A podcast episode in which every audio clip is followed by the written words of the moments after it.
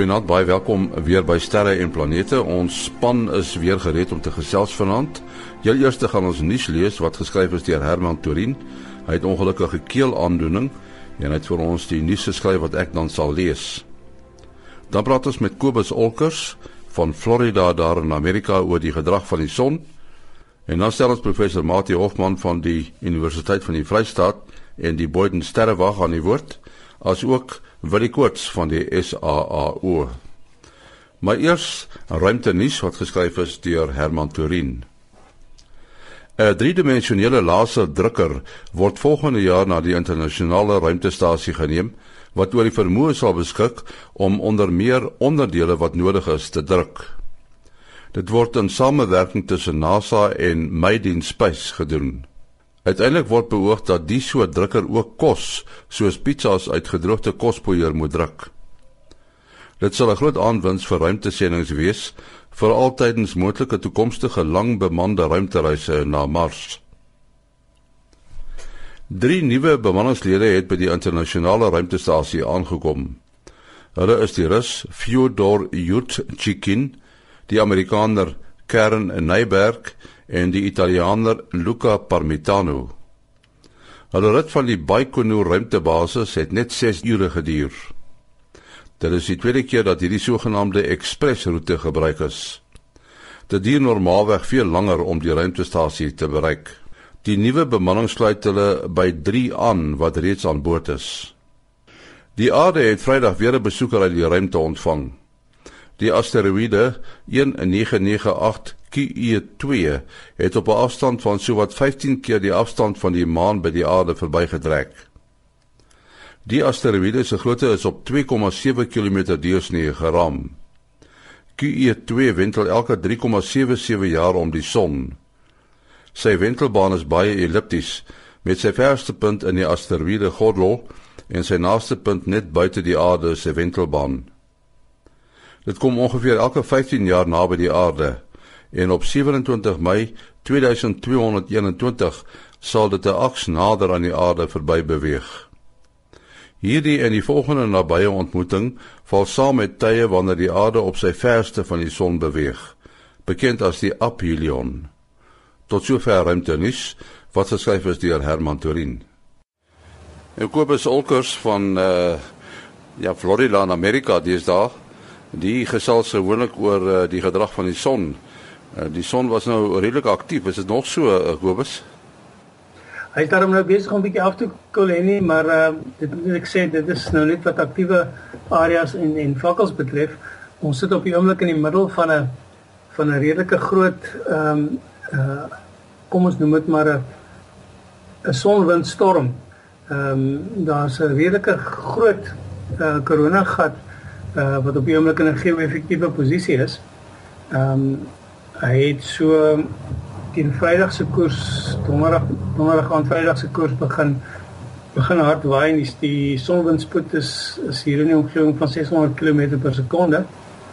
Ehm um, en hy veroorsaak aurora in die in die verre noorde en die verre suide van die van die aarde en hy veroorsaak ook ehm um, steurings in kortgolf kommunikasie maar daar's geen probleme met stelsels soos kragstelsels of ehm um, GPS stelsels of enige so iets nie. Nou nou wanneer uh, is die grootte van so aard dat daar wel 'n probleem met kragstelsels kan wees?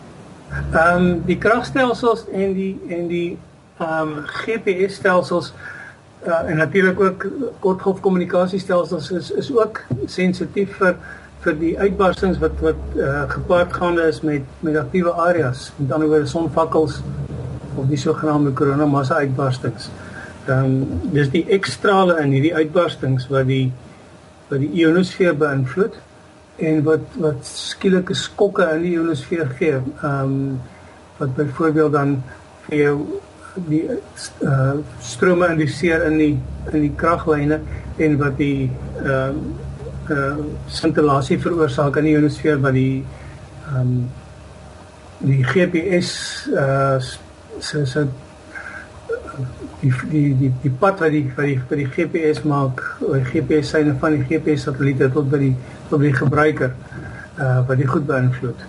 Ehm um, soos soos 'n mens weet is die GPS is eintlik maar net 'n groot ehm um, satelliet uh, klok uh, baie akkurate horlosie wat daar rondvlieg en jy kyk na 'n paar van hulle gelyk en jy bereken die hoek wat hulle na, na jou toe maak en die afstand van jou af. En as die ionosfeer nou 'n probleempie het, ehm um, met die feit dat hy skielik dikker word as gevolg van ekstrale ehm um, dan as jy skielik dink jy jy, jy kyk in 'n sekere rigting na die ding maar soos 'n vis wat deur van die onderwater af kyk, is die ding op 'n ander plek. En dan skielik uh, besef jy jou GPS nie, hy is nie waar hy reg is nie en hy's dalk 'n kilometer weg van waar hy moet wees.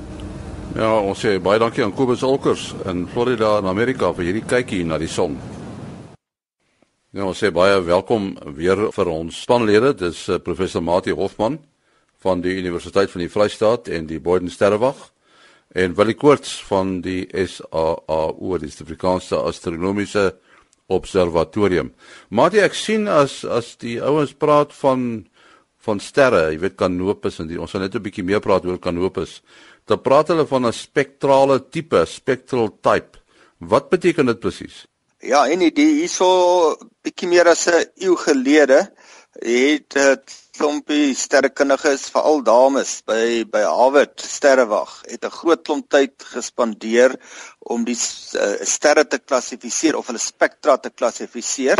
Nou eerstens wat die die spektrum betref, uh daarmee bedoel ons dat die lig vanaf die ster opgevang word, verkieslik met so groot as moontlik teleskoop dat jy baie lig opvang en dan uitgesprei word uh deur middel van uh, wat mens noem 'n uh, uh, uh, spektrometer. Uh, dit bevat of 'n prisma of meer in die uh, eendaagse tyd uh, eerder 'n diffraksierooster. Dit is basies 'n toestel wat die kleure opdeel sodat jy 'n spektrum kry. Uh ons dink nou maar gewoonlik aan die uh, aan die reënboog soos die uh, analoog aan die reënboog. Dit is nou net baie wyer uitgesprei. Ehm uh, en in die uh breë spektrum uh van die kontinuer lig wat dan nou alle kleure bevat, sommige kleure meer helder as ander, kry jy uh, 'n hele klomp absorpsielyne, donker lyne by spesifieke kleure of uh, golflengtes. Mens kry ook 'n uh, emissiespektra, dis weer helder lyne.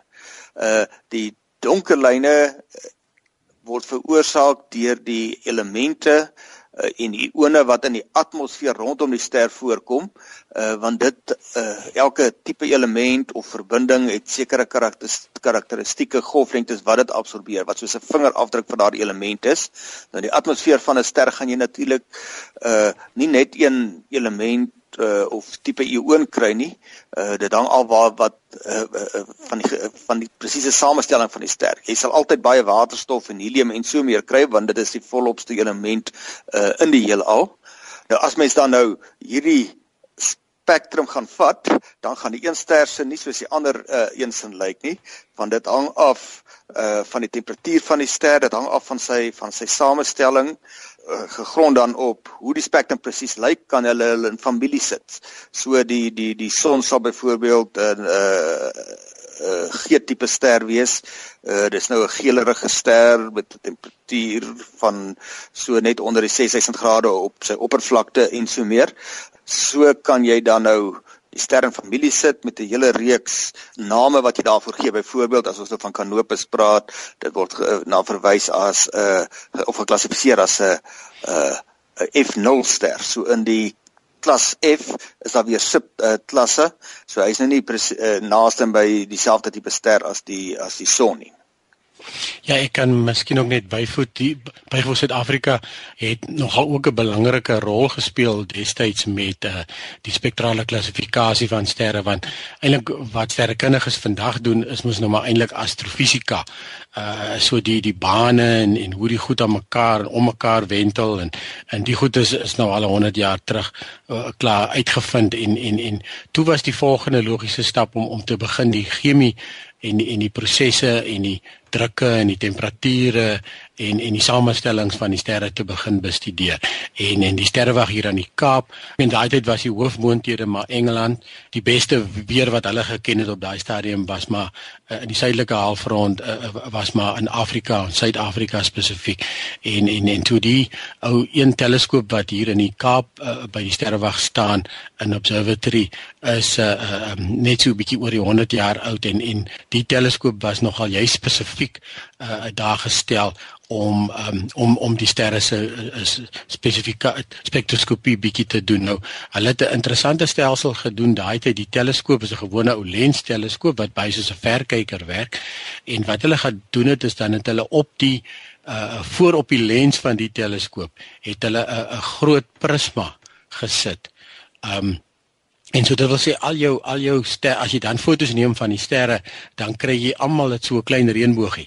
En en en dan kon hulle baie maklik deur sommer so 'n hele foto te analiseer. Die foto's is eintlik nog swart en wit, so jy sien nie die kleur nie, maar jy kan wel van daai lyne uitmaak wat wat Mati van gepraat het. En dan ook in in in in sterre in in Sutherland die ehm um, die ou 74 duim 1.9 meter Radcliffe teleskoop uh, was ook nogal een van jou teleskope wat daai tipe werk gedoen het en hulle eerste instrument het nog fisies prismas gebruik en en 'n massiewe ou groot ding wat onder die teleskoop gehang het wat drie prismas ingehaat het om die, om die lig nou mooi op te breek. En uh deesdae doen ons dit natuurlik baie meer kompak met met hierdie uh, uh emissie roosters en goed wat Martin nou juist van genoem het. Uh, nee, ek wil net daar byvoeg terwyl de uh wil jy nou praat van die van die groot prismas, jy sê basies twee maniere, jy kan of daarvoor waar die lig by die teleskoop inkom 'n prisma sit en om dan om nou op, op daai stadium in die kleure op te breek of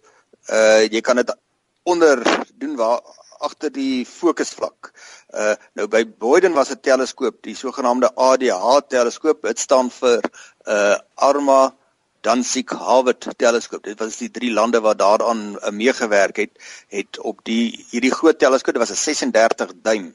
So dit is uh amper 'n meter in deursnee gewees die teleskoop.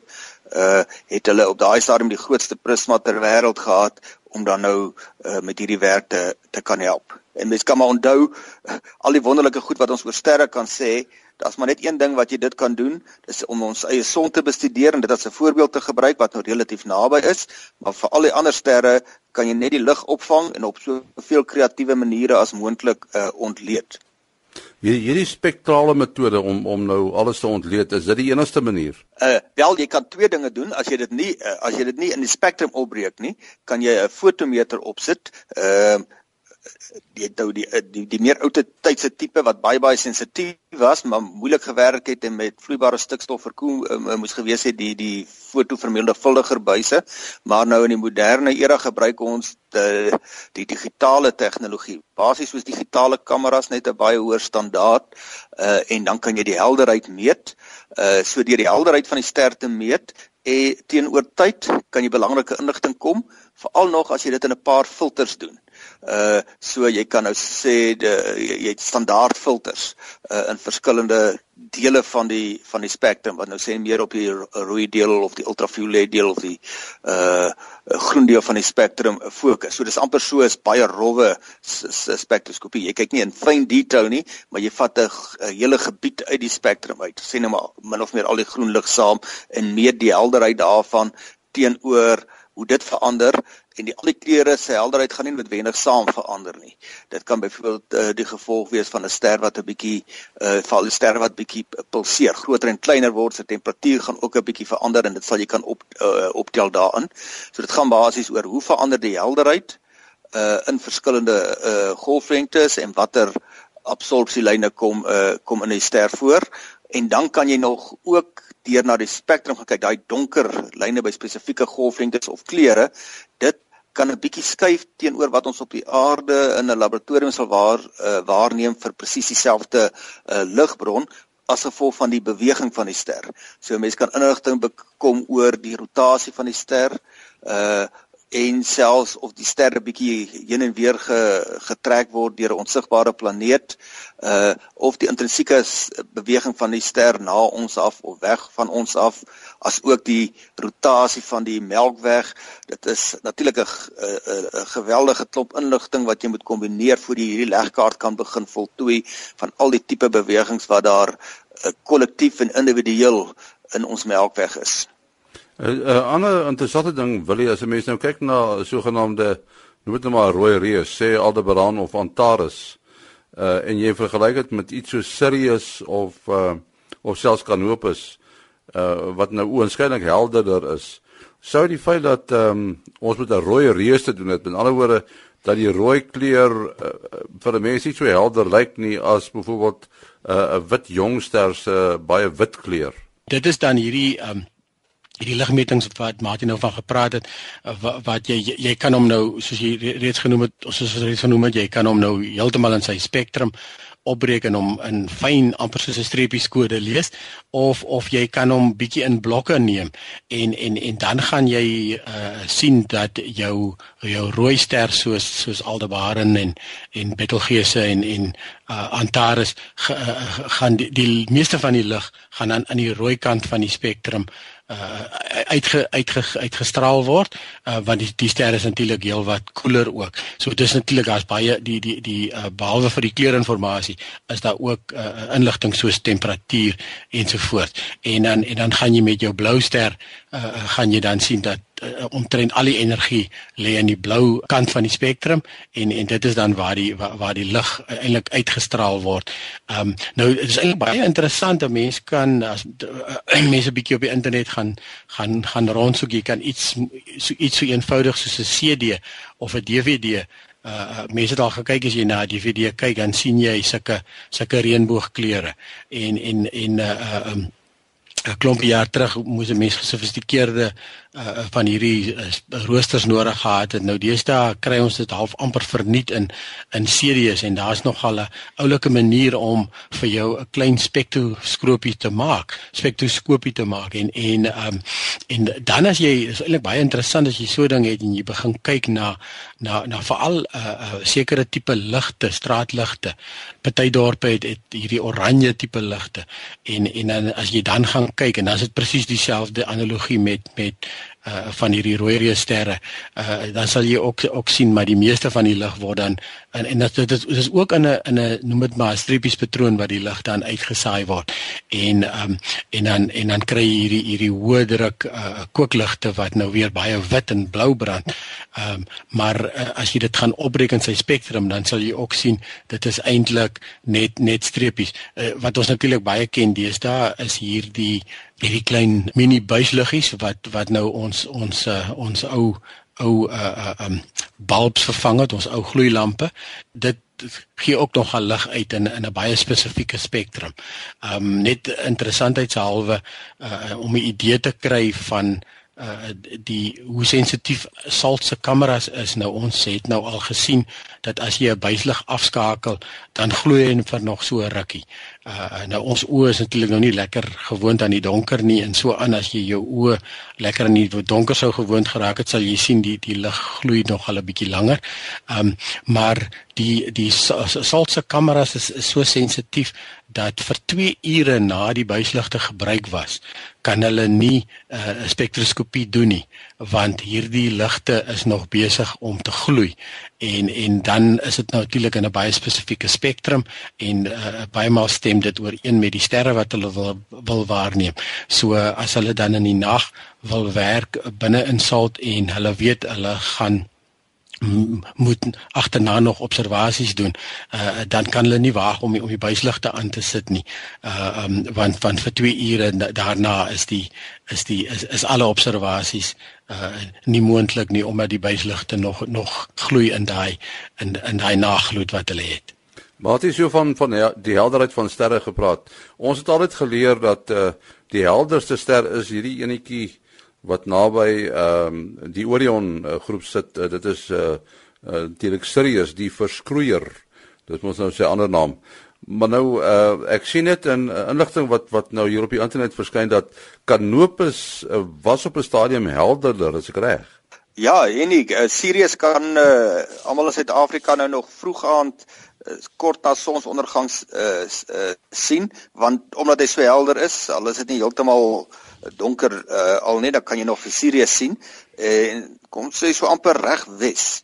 Maar as mens nou so 'n bietjie suidwes kyk, nie ver bo die horison nie, op hierdie stadium van die jaar na in uh, kort na sonsondergang, kry mens dan Canopus wat ek nou mee groot geword het as die tweede helderste ster. Nou ons verwys nou na die oënskynlike helderheid soos ons dit van die aarde af sien uh mens sou ook kon praat van die die die, die werklike helderheid wat dan nou sê maar uh, aanduiding gee van hoeveel lig straal die ster regtig uit. Hoe helder ons hom sien op die aarde hang af hoe ver daardie ster van ons af is. Uh nou sekere sterre het intrinsieke veranderinge, die sogenaamde wisselsterre, maar in hierdie geval as ons nou Canopus en Sirius vergelyk, uh is hulle relatiewe oënskynlike helderheid uh het, het meer te maak met hulle afstand van ons af. Hier's nou hierdie ek nou voorverwys na hierdie groter bewegings uh van sterre relatief tot die Melkweg. Daar is die rotasiebeweging, maar hulle het ook nog intrinsieke bewegings. Partykeer ons leer hulle bietjie heen en weer bietjie nader, bietjie verder. Uh uh en daar kan 'n verskeidenheid van redes wees hoekom hulle nou op bepaalde maniere beweeg. Hulle word dalk in 'n in 'n stros van sterre in 'n sekere rigting getrek. Nou 90000 jaar gelede het Sirius eers helderder as Canopus uh, geword omdat in sy in hulle relatiewe beweging het hy toe nader as na genoeg aan Canopus gekom wat intrinsiek eintlik baie baie helderder is as Sirius. Sirius is maar 9 ligjare van ons af en Canopus is so 3 net oor die 300 ligjare. Hulle lyk amper ewe helder. Dit beteken Canopus moet in werklikheid baie helderder wees as Sirius. En ek merk nou hierso uh, dat uh oor 480 000 jaar gaan Canopus weer helderder as Sirius lyk en dan gaan hy dit vir 'n half miljoen jaar bly. Natuurlik vir ons uh, menslike leeftydperk klink dit soos verskriklike lang tydperke, maar vir die hele al is so hierdie wisselinge is uh is, is relatief kort. Ons praat nou van hier 'n uh, tydperk van bietjie meer as 'n miljoen jaar. So hier oor 'n kwessie van 1 2 miljoen jaar was daar drie verskillende tydperke wat Canopus helderder as Sirius was. Ja, en en en net om die om die die appelkar nog 'n bietjie om om te gooi en dit is nou binne mense jeugenis, um, was die ster Eta Carina natuurlik op 'n stadium helderder as Canopus. Uh um, klink vir my omtrent hier in die omgewing van 90 jaar terug as ek dit reg het. Eta Carina is eintlik 'n ster baie na aan die einde van sy lewensyd en in 'n sterrekundige uh, terme kan die ster enige oomblik ontplof en uh en en was daar wel 'n uitbarsting so 'n uh, 'n paar uh, tiene van jare gelede wat Eta Carina vir vir 'n vir 'n kort tydjie nogal helderder as Canopus gewees het. Dit wil sê toe, toe was Eta Carina die tweede helderste ster. Nou dis ook 'n ster wat uh, uit die suidelike halfrond alleen sigbaar is. So as daar enige vuurwerke gebeur in daai rigting gaan ons nogal in 'n bevoordeelde posisie wees om uh, om dit te kan waarneem eendag. In die geval van Eta Carina was dit nou 'n intensieke verandering wat dan nou gemaak het dat hy baie helderder geword het.